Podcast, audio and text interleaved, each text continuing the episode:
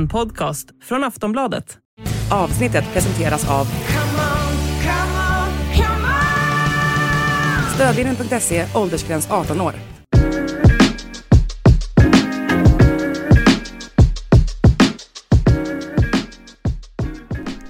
Allsvenska podden är tillbaka den här veckan och eh, ja, det rör ju på sig gällande silly season och det är väldigt många övergångar som har skett och affärer som är i pipen och det ska vi diskutera med Per Boman som är här nu och Linn Nordström och jag Daniel Kristoffersson. Eh, men innan vi går in på alla affärer som är i rörelse här och alla övergångar som har varit och som kommer att bli så ska vi gå igenom träningsmatcherna. Boman, du var på Hammarby när de vände och vann. Ja precis, mot Sandviken. På kanalplan. Ja. Varmt och skönt. Nej, ja, vi fick faktiskt att sitta i ett sånt liten, eh, jag ska inte kalla det loge utan en sån Oj. gammal eh, radiohytt kan man kalla det. Ja. Så. så det var helt okej. Eh, det var mycket folk och det var ju väldigt trevligt men det var ju inte särskilt, nu är det ju första träningsmatchen så man ska inte lägga för stor vikt vid det kanske men det var ju inte bra av Bayern det var det inte utan man vänder ju egentligen matchen först när, när Sandviken får en spelare utvisad och så. Men man ska inte, jag lägger inte för stor vikt på det men jag kan ju säga någonting i alla fall och det är ju att om det är någon spelare som jag är lite orolig för i, i Bayern så är det nog ändå Pavle Vagic alltså som ju ändå var en prestigevärvning när han, när han kom eh, till klubben. Ja, de betalar mycket pengar för honom. Precis, och eh, det som jag liksom inte riktigt jag har ju trott att han skulle vara mittback eller defensiv mittfältare, att det var hans roll i framtiden, för det är det han slog igenom lite som i Malmö, men jag minns när han sa till mig förra året att han ville vara mer offensiv än så, åtta eller tio nästan. Men när jag kollar på honom nu så i matchen nu spelar han bredvid, ja, lite längre fram än Sadiku. Jag tycker liksom aldrig han tar sig in i matcherna liksom, sätter ingen prägel på det. Det är svårt att avgöra vad, vad det är han ska vara. Ska han vara en tvåvägsspelare? Ska han vara en, liksom en, en Besara poängspelare? Ska han vara en bollvinnare? Jag tycker liksom inte att han är någonting av det riktigt just nu.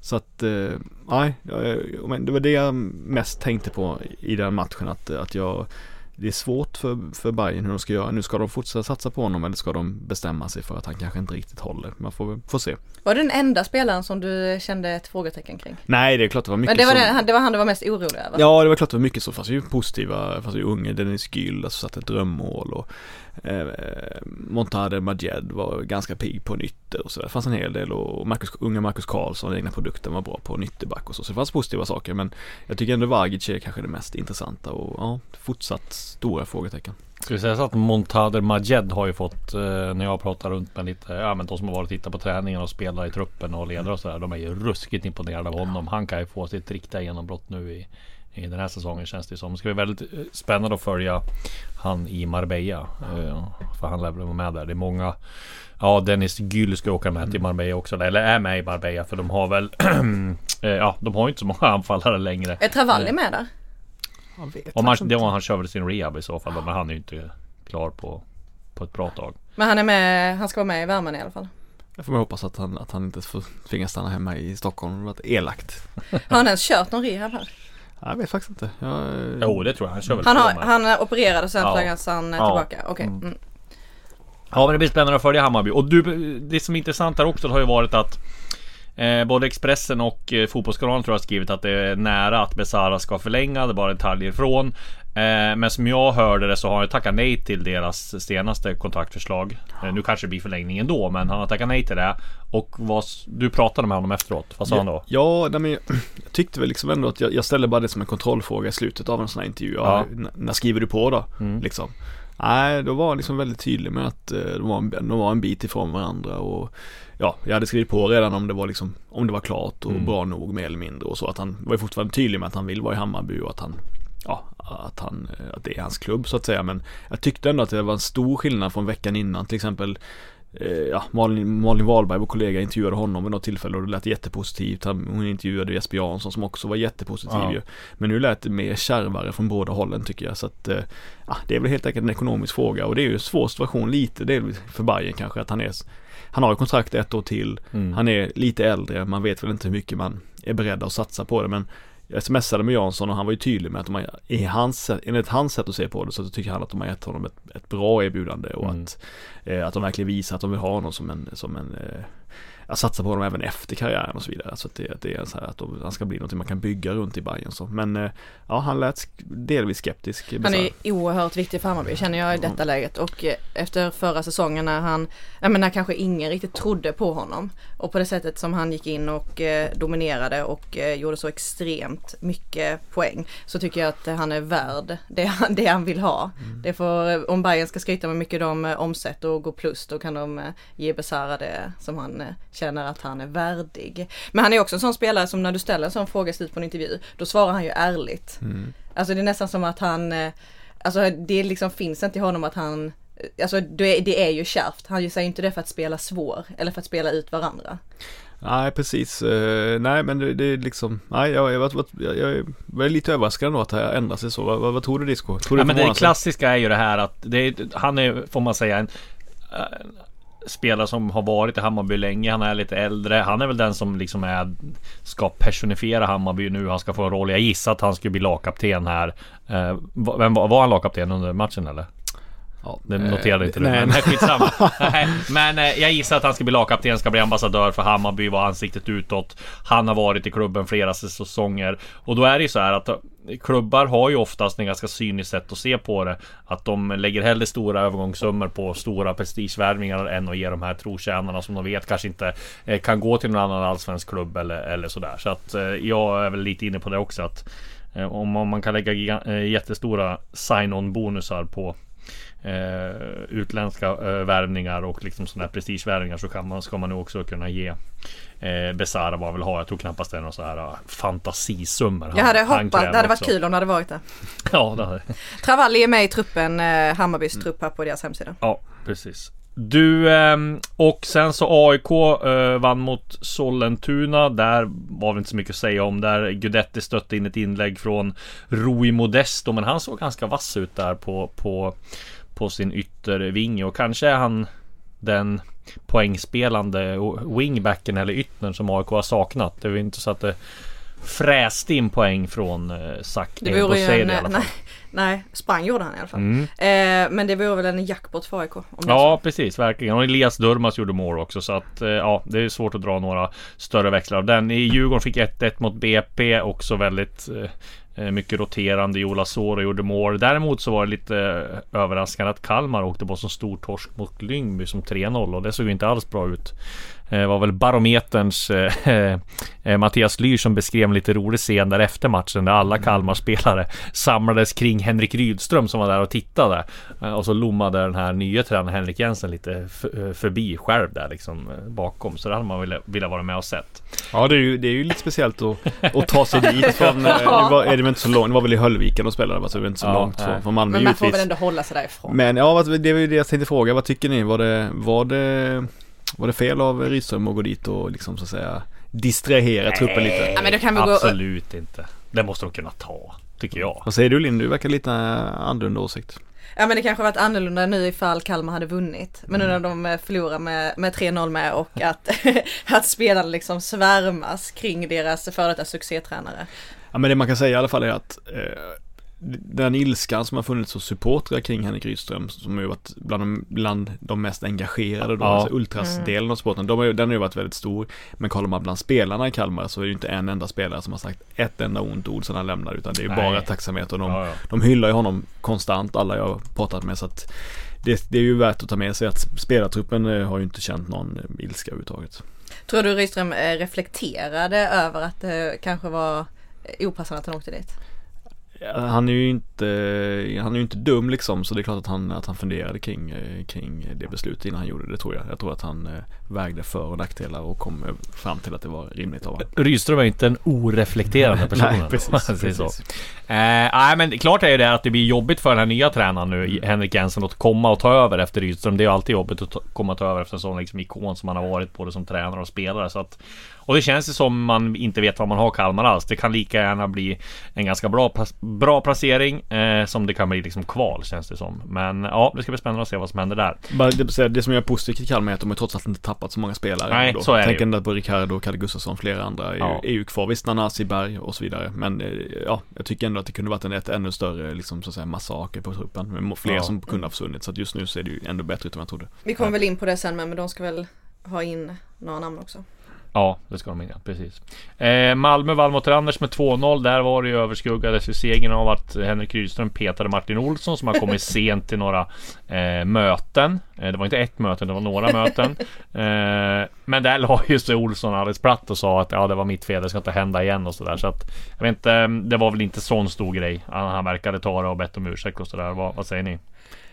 Ja, vet inte. Det känns som att för Martin Olsson säger allt möjligt. Han kan ju ha kvar liksom klockan på sommartid. Alltså, det, det, det är ju ingenting som, och jag skulle kunna göra exakt, eh, exakt samma sak. Men eh, om det är flera möten då förstår jag ju att, eh, att Rydström behöver sätta ner foten. Han vill stämma tonen också som liksom första nya tränare. Liksom, jag, tror, jag tror också att Martin Olsson är den perfekta spelaren för honom att statuera ett ex exempel på. Ja. Vadå att han nästan har planterat de här Nej, nej men jag, jag tänker att Olsson är ju inte, är ju inte Han visar att man vågar göra mot en äldre rutinerad spelare. Precis, och att Olsson ändå inte är lika viktig som en Christiansen eller en Kristelin. Så att han är ändå lite på långt ner i hierarkin att, att det skadar inte Rysen så mycket om han skulle om han skulle bli galen eller vansinnig på grund av det här liksom. Mm, det känns inte heller som att Martin Olsson är långsint. Eh, nej precis och han är liksom så, så att det, Jag hoppas ju att Rydström hade gjort samma sak om det var Christiansen som var sent till möte ja. eller, eller Kistelin. Det hade han nog gjort sen. Det, ja men eh, Ten Hag eh, satt ju Rashford på bänken i julas. Mm.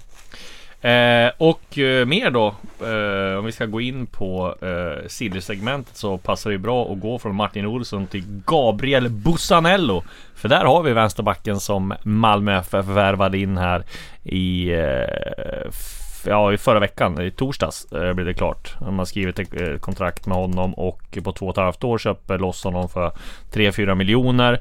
Och ja, det är en brassevärvning som man absolut inte vet någonting om. Kommer ju få, från eh, andra divisionen där. Men eh, ja. Skulle ringa Robert Laul nu.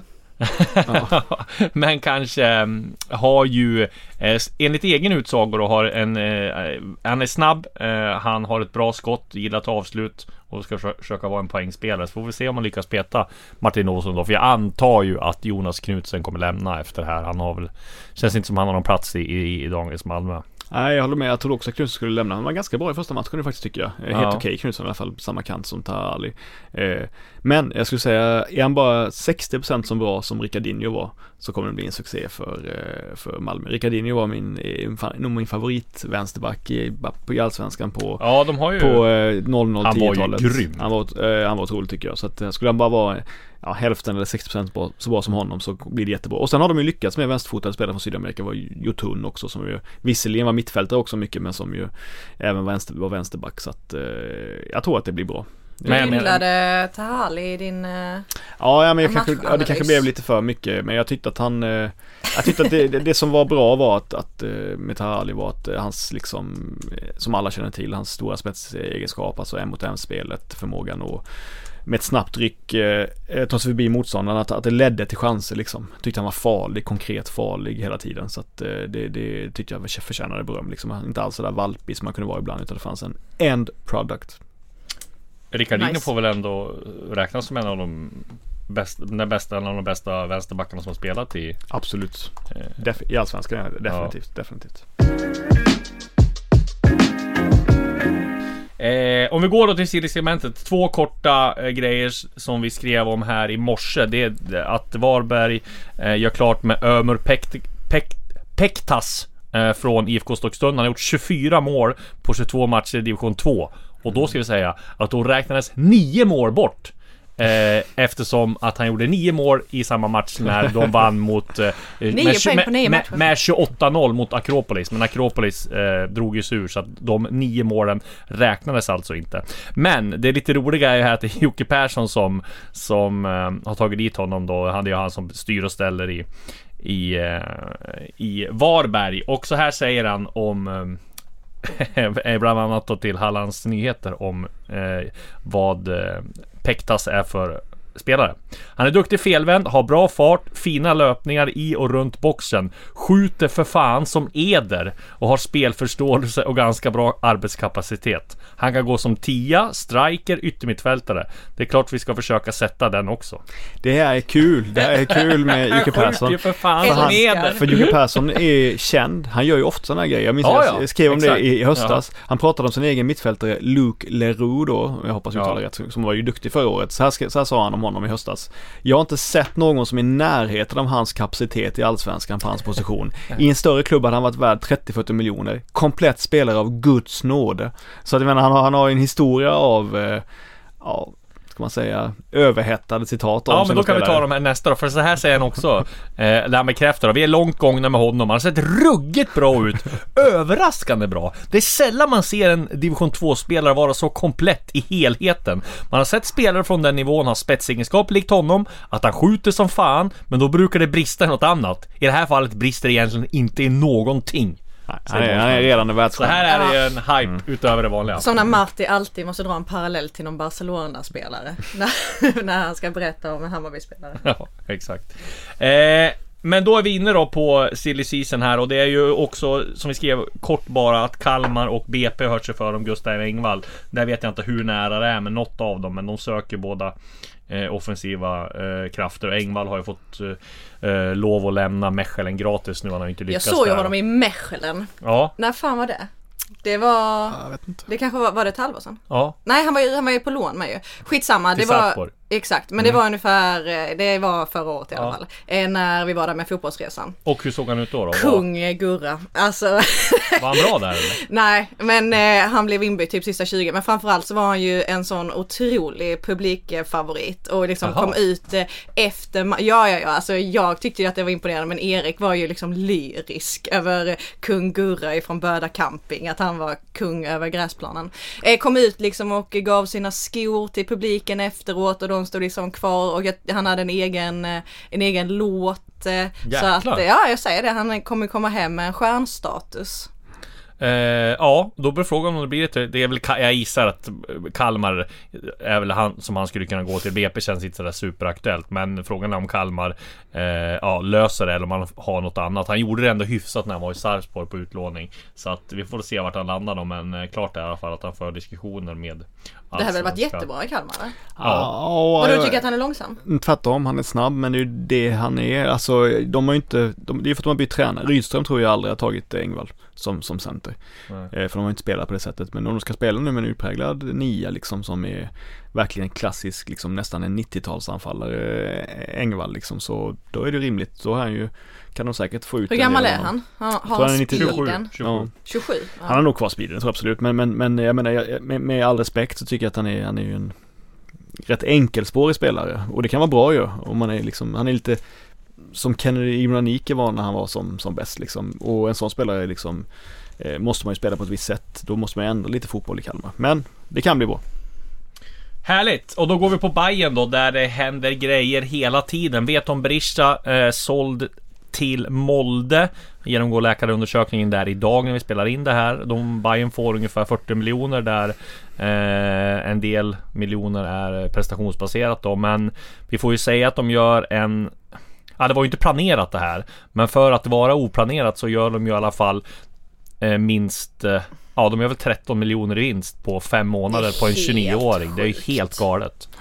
Ja, jag, alltså jag tänkte på, jag till slut fundera på det. Jag tycker ju, man ska inte, alltså rent sportsligt tycker jag fortfarande man ska vara tydlig med att det, det här inte ett misslyckande kanske men det var inte, det blev inte Nej, det bra. här var inte planen för Nej, Veton. nej jag vet, Det jag, jag vet, det blev inte bra nog. Jag tycker Nej. ändå att det perspektivet eh, alltid är viktigare än liksom det företagsekonomiska perspektivet. Så att det var ändå, det var, det, det var inte bra att det blev så här att man la in så stor kraft på att satsa på honom. Men jag menar med Det sagt, det är ju otroligt skönt för Bayern att Molde agerar så vansinnigt som de gör måste man säga. Jag vet att de har fått in jättemycket pengar och att de har möjlighet att göra den här typen av affär. Men att de går in och lägger så mycket eh, pengar på Veton Berisha är ju galet alltså. Det är... Ja, jag tycker det är, man gör ju, alltså Bayern gör ju såklart helt rätt. Ja, sälja ja. ja, hundra, absolut. När de får så mycket ja, det, pengar. det är rätt absolut. Men, Eh. men, men jag menar det är ju att Molde agerar som de gör. Det borde ju... Men hur kan det vara så att de Eh, se ser sån, alltså jag förstår att han har jättestor potential, det såg man när han var här med. Men att Hammarby inte lyckas få in honom i sitt spelsystem. Ja, jag tror att det handlar om att Martin Schifuente, att, eh, det var ju Martin Schifuente som ville ha honom. Men jag tror att han vet om Berisha inte pa- eh, tycker att han själv passade in i Cifuentes spelsystem. Att han... Mm, jag vet inte exakt vad det är men det... Men det, han och Gustav Ludvigsson kunde inte spela tillsammans. Nej, alltså när han kom så gjorde inte Ludvigsson, Nej. gjorde inte ett poäng på Nej. eh, typ 10 matcher. Ja, Men det, det som jag tyckte var lite synd med Berisha var att eh, ju, ju längre säsongen led då, alltså under hösten, så tyckte han allt svårare att ta sig in i spelet liksom. Han har svårt att liksom inte uppleva att medspelarna inte sökte honom liksom. Att han, att han blev isolerad nästan trots att Hammarby är ett sånt offensivt var så offensivt starkt lag och kom fram till så pass mycket lägen så upplevde jag att Berisha så sällan var involverad liksom eh, i spelet. Men, men eh, från sista fem matcherna kanske han var med, eh, fem, sex matcherna. Men så jag håller med, det är klart att, det är, att ham, för Hammarbys del så är det ju verkligen en, en jackpot. Eh, jag håller med, håller med Öystein Eikil här som har kommenterat när jag, på artikeln här om Berisha. Eh, säljer Berisha, köper Mikkelsen och sitter igen med 15-20 miljoner i överskott. Nu kanske inte är så mycket men i alla fall. Må vara en av de bästa jobben som är gjort på övergångsmarknaden i Sverige. Ja, så det får man ändå absolut. säga. Och det är ju, men, men jag menar det är ju, jag menar det har man ju sett otal, jag pratar med några norska journalister som tycker att Mikkelsen är liksom att han är undervärderad liksom, att Hammarby får honom till ett mycket billigare pris än vad, än vad, än vad folk hade trott i Norge. Det är imponerande. Mm. Ja, vad, vad, tror du, vad tror du det beror på eh, Disco? Är det för att de inte vill sälja internt i Norge? Eller Ja det tror jag också. Sen tror jag att han, han har legat på och vill verkligen till Hammarby. Mm. Ja, det är intressant. Eh, för att, eh, ja men jag tror det. Alltså, jag tror att man, alltså jag tror att dels norska och, eh, och vad heter det, mm, eh, danska spelare som vi ska komma till senare. De har, det finns inte den här supporterkulturen i, eh, så jag tror att de lockas mycket av att spela och sen så komma till en, en klubb som satsar Eh, satsar väldigt mycket och sen komma till att spela inför sådana fantastiska supportrar och med derbyn och alltihopa. Så att eh, det tror jag lockar väldigt mycket. Eh, ja, eh, och Mikkelsen då. Han eh, genomgår läkarundersökningen. Han eh, kommer ansluta eh, som jag skrev om förra veckan. Han kommer ansluta till Hammarby idag eller imorgon som jag fattar det som. Eh, och är ju en jättevärvning. Han gick, det var ju den som Hammarby såg som nummer ett värvning och, och landa och det gör de ju nu. Eh, skriver ett långt kontrakt och betalar 20 miljoner typ. Så Åker ner till Marbella. Eh, han eh, ansluter till Marbella som jag fattar det som ja, precis inom kort. Så att eh, han ska bli väldigt spännande att se. Han är ju, får man säga, är hypad nu efter. mm. Och så pass ung, men eh, Ja. jag frågade 22? Ja. Och de, eh, samma journalister jag pratade om, innan då, de, de tyckte att liksom, jag frågade liksom klassen på talangen och då tyckte han att ja, man kan jämföra med de bästa offensiva talangerna, svenska talangerna på januariturnén ungefär. Alltså en eh, Ondrejka eller, eller en, kanske lite bättre till och med en Ondrejka än en Zidane eller Bernhardsson liksom, alltså en liten nivå över det och det är ju väldigt intressant. Tredje gången eh, gillt nog för Hammarby att hitta en eh, striker. ja. Eh, och det, det är inte säkert att de är klara där. De lär väl kolla på en del andra offensiva pjäser också. Eh, ska vi säga något mer om Hammarby? De är ju på jakt efter en högerback också. Där eh, är det Brönnbys eh, eh, högerback eh, Gammelsby va, som vill dit. Men de har väl en jäkla massa alternativ de kollar på där också. Hammarby har också budat på eh, Noah Persson i Mjällby. Men där blir det väl för dyrt. Men där, på, eller, där är det väl för dyrt just nu. Men där pågår väl förhandlingar. Den affären är väl inte helt off heller. Eh, och de kollade ju på, på förstärkningar eh, lite varstans. Så att Hammarby kommer ju värva tre spelare till tror jag minst. Zlatan också nu ju. Kan jag inte förlänga. Nej precis. Och vann Guldbagge igår. ja, det hade varit härligt. Hammarby har alltså redan eh, eh, fått en liten del av en titel. Ja. Ägaren i alla fall till klubben.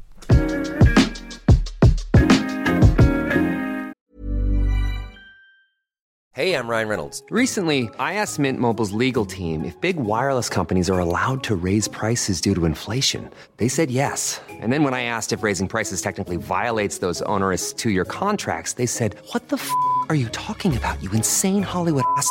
So to recap, we're cutting the price of Mint Unlimited from $30 a month to just $15 a month. Give it a try at mintmobile.com slash switch. $45 upfront for three months plus taxes and fees. Promo rate for new customers for limited time. Unlimited more than 40 gigabytes per month. Slows. Full terms at mintmobile.com.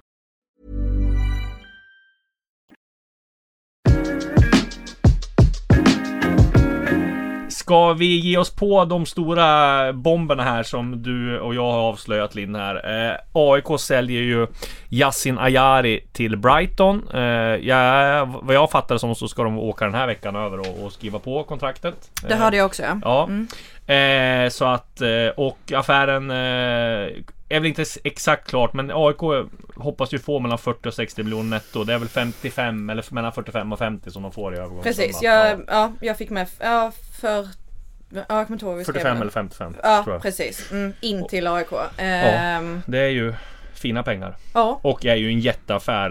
eh, Och det här får man ju se det på två sätt då. Att det är många som tycker att det här är för lite pengar. Men det är ju liksom helt Det är ju en helt fantastisk affär. Man får ju tänka på att det är nettopengar. Eh, Det är en ung spelare som AIK inte har betalt eh, pengar för. Det är AIKs akademi som än en gång visar liksom hur bra den är. Och är det någonting, nu har man pratat mycket om att Manuel Lindberg kommer in och ska göra någon sorts förändringsarbete. Eller, man, eller hela AIK ska göra ett förändringsarbete.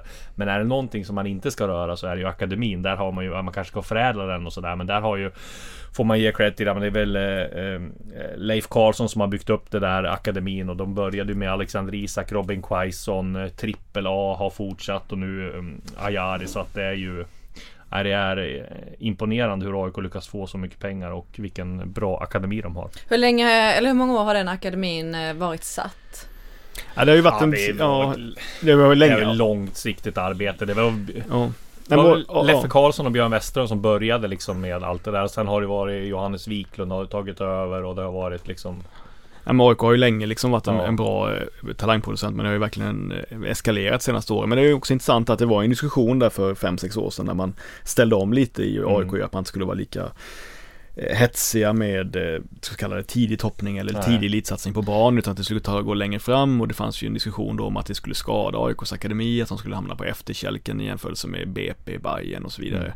Eh, och det där kan man ju inte, det kan ju det ta några år innan man kan se det liksom vad som ska hända men än så länge har ju de farhågorna från, eh, från vissa aik verkligen inte eh, slagit in utan tvärtom så blir ju akademin bara bättre och bättre och får fram spelare som är mycket mer redo. Jag menar jag tycker de här senaste generationerna, det har ju funnits en del bra generationer men de, de här två, tre åren sista talanggenerationerna har ju varit bättre än vad det var till exempel när Saletros och Noah Sonko Sundberg de kom upp. Menar det var också ganska bra, eller Gravis och sådär. Och redan då tyckte man att det fanns en edge med många nya unga men nu är det en helt annan. Nu kan de ju gå till klart bättre klubbar bara efter ett halvår i A-laget. Så att det säger ju någonting om kvaliteten på de unga spelarna.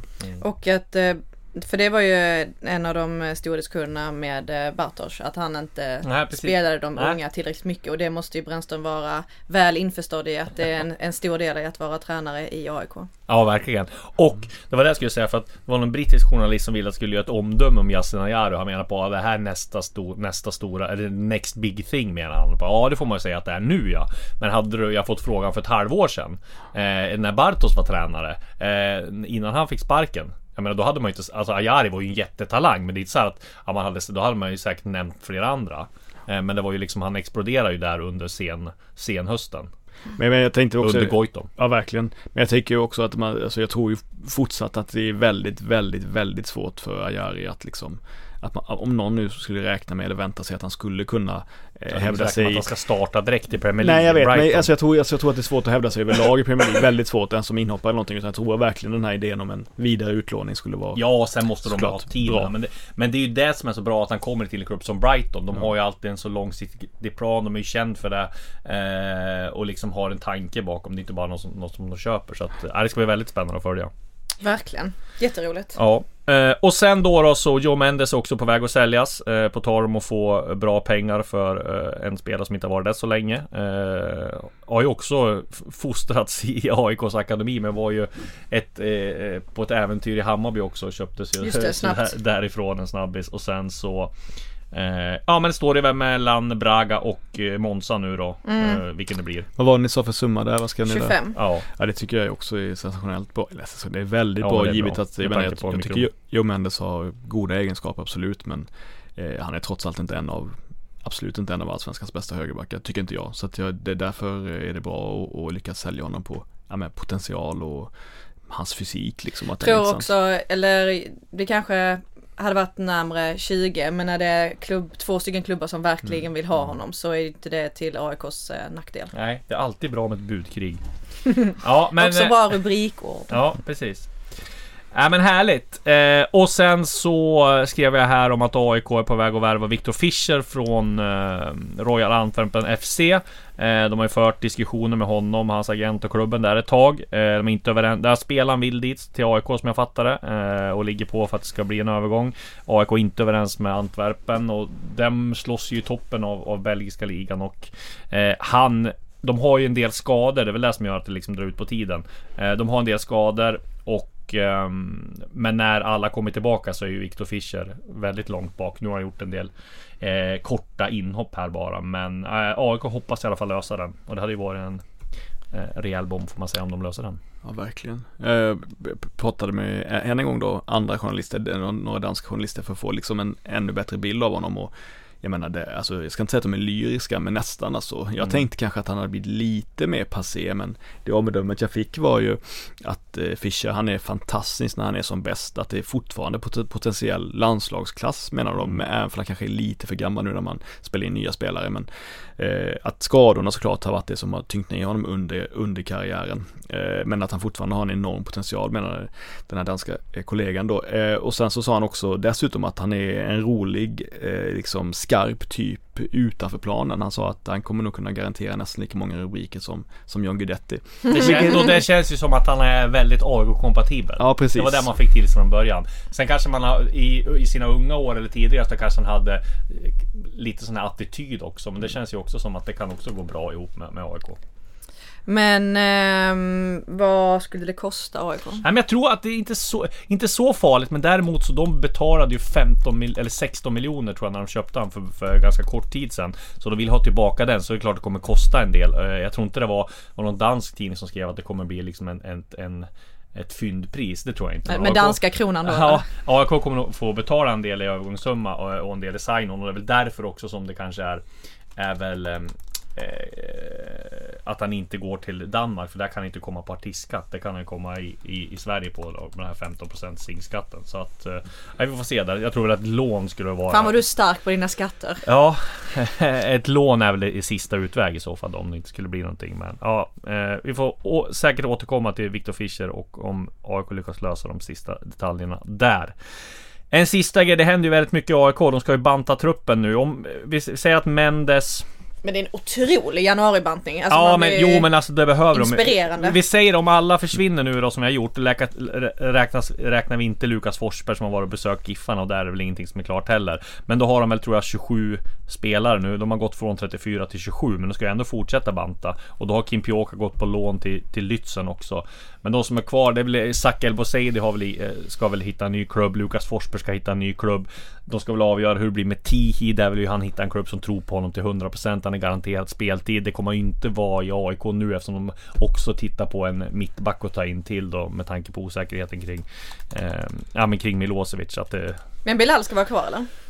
Ja men det verkar ju där. Alltså fönstret stänger ju om, alltså de flesta internationella fönstret stänger ju om. Vissa, det är en del som har öppet längre då, men det är ju bara en vecka kvar så att eh, Ja vi får se om Bilal blir kvar eller inte. Eh, men ja, det kan ju hända. Nej, ja, Nabbe har ju också gått ut. Mm. Så att det Samuel, Bolin, hända... Samuel Bolin har lånats ut. Ja, mm. det kommer hända fortsätt saker in och ut i AIK. Det kan vi i alla fall slå fast. Djurgården då har vi, vi precis, Albin, eller Hjalmar Ekdal hade inte blivit officiellt va, men det har vi pratat om väldigt mycket här med Burnley. Mm. Men nu är han klar, Djurgården får 30 miljoner, eh, Hammarby ska ha 20% eh, Då är det eh, en eh, vidareförsäljningsklausul där och eh, solidaritetsersättning så det blir 20% och det blir väl Ja det blir 6 miljoner in till, till Bayern då. Det är ju eh, hyfsat plåster på såren mm. som man gav bort eller gav bort men han, Bilbo vill inte satsa på Ekdal då. Hjalmar såg ju otroligt lycklig ut på bilderna som kom ut. Alltså det var ju alltså, balsam för själen liksom att se en så nöjd spelare stå i det kalla jävla klimatet och liksom ändå skina som en sol. Jag såg också intervjun här med i Fotbollsmorgon i morse med Ekdal. Han, ja, det var ju inte så direkt att han var Han var lyrisk över den övergången. Jag snackade med Victor Lison Lindelöf om bostad. Eh, de bor ju i Manchester. Fan liksom nice. och han berättade att Vigge skulle ta med honom ut på stan och, och sådär och, och hjälpa honom mycket, Robin Olsen med. Ja precis. Men, att, ja. men det jag tänker där är att Djurgården kanske väl ändå faktiskt behöver en en, ja, mittback, en riktigt vass mittback de till. kommer ju värva en de, de kommer ju värva en mittback. Däremot mm. så Tror jag inte de har avgjort än om de ska värva en etablerad Eller om de ska värva en En lite Ja en kompletteringsspelare. Men de har ju Marcus Danielsson och Moros Gracia som är eh, Givna.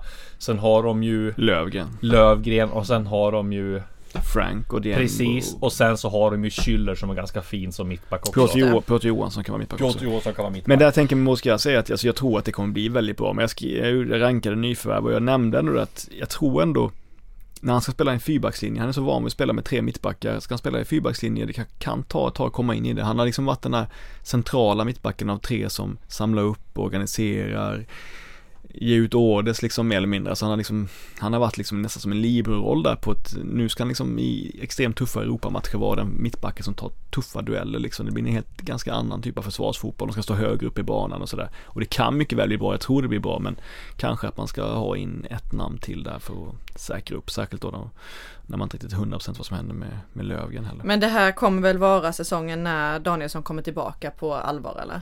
Ja, han, Det- var, ja, han var ju väldigt bra i Europaspelet men sen, Jo, var, sen hade ju, absolut, sen ju men, eh, några sämre hemma, eh, allsvenska matcher absolut. Mm, men när han kommer vara så som han eh, var innan Kina-äventyret och när han var ordinarie i, i landslaget också. Det tror jag med. För jag absolut. tog med mig det från eh, när du, visst var det Azor och du gjorde spåkulan med Djurgården? Ja. Ja, för då så skämtade han ju om Danielsson. Alltså och sa ju med att han var svinvass på träningarna och skämtade med Azor för han typ var lika snabb som honom. Ja men för bra för allsvenskan sa han ju flera gånger Mm. liksom. Alltså, han borde inte spela i allsvenskan tyckte jag så om Danielsson.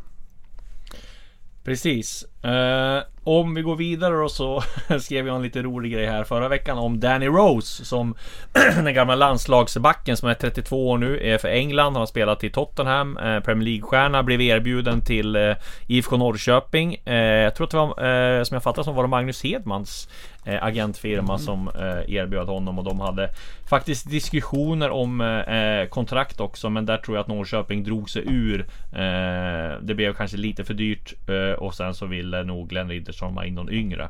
Så att det ser inte ut att bli någon Danny Rose till Norrköping men ändå coolt att hans namn figurerar i eh, sådana sammanhang. Det hade varit lite roligt om, om de hade värvat honom. Ja det har varit kul. Verkligen. Det var kul men, men den Rose är ju, man får ju ska komma ihåg att han är en spelare som har haft en del bekymmer. Inte bara att han, alltså han har ju pratat om depression och sånt och det är Ja, ju exakt. viktigt och bra. Men inte det, han har ju också hamnat en hel del bråk och situationer med klubbarna och sådär. Mm. Så om det är någon spelare som jag skulle tänka är slut, tyvärr, så, så är det nog kanske Danny Rose. Med Men all respekt. Bytte han inte hårfärg väldigt ofta?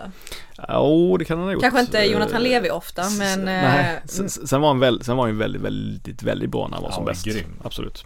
Eh, Men eh, däremot har han blivit erbjuden till eh, en del andra skandinaviska klubbar. Så vi får se om det är någon som nappar på Danny Rose i Sverige eller i Danmark eller Norge. Björn Westström. mm, I Odense. Eh, det skulle vara väldigt olikt Westrum att ta en sån spelare i och för sig. Eh, han tog väl i och för sig Sebastian Eggurén en gång i tiden. Eh, ja, ja. Vi går vidare och avslutar med IFK Norrköping som eh, vill försöka värva Josef Baffo. Eh, de har haft han i träningen och besökt klubben.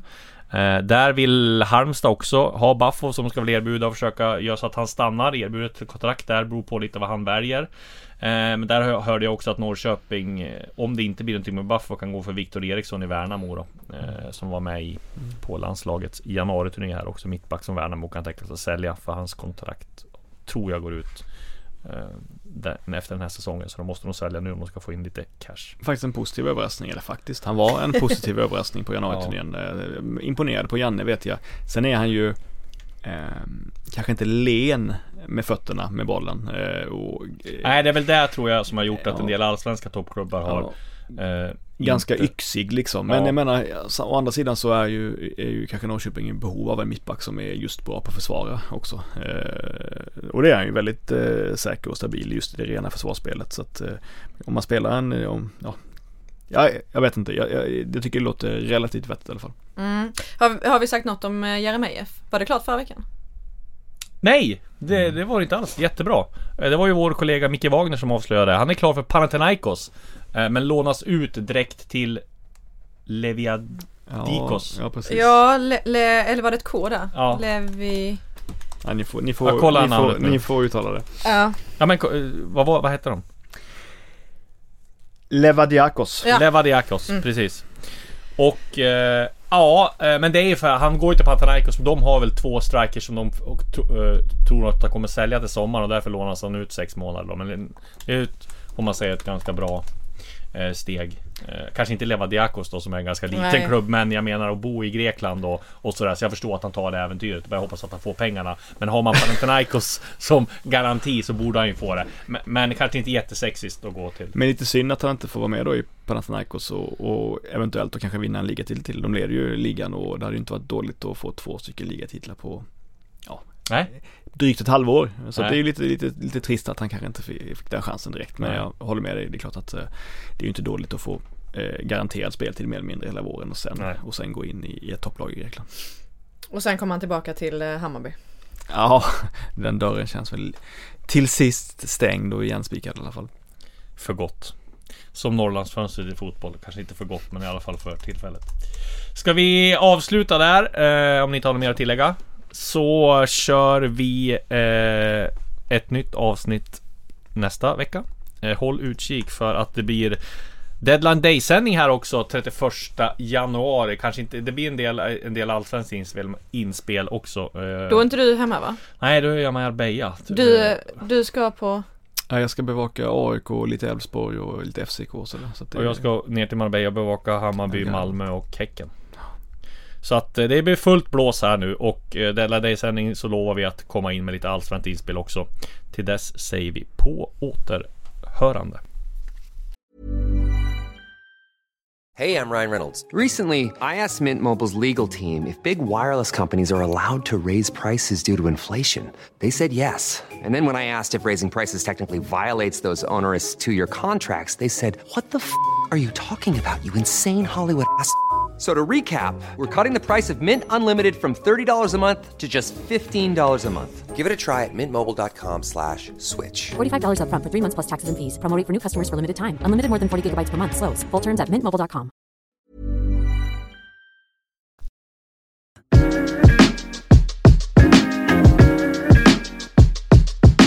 Du har lyssnat på en podcast från Aftonbladet. Ansvarig utgivare är Lena K Samuelsson.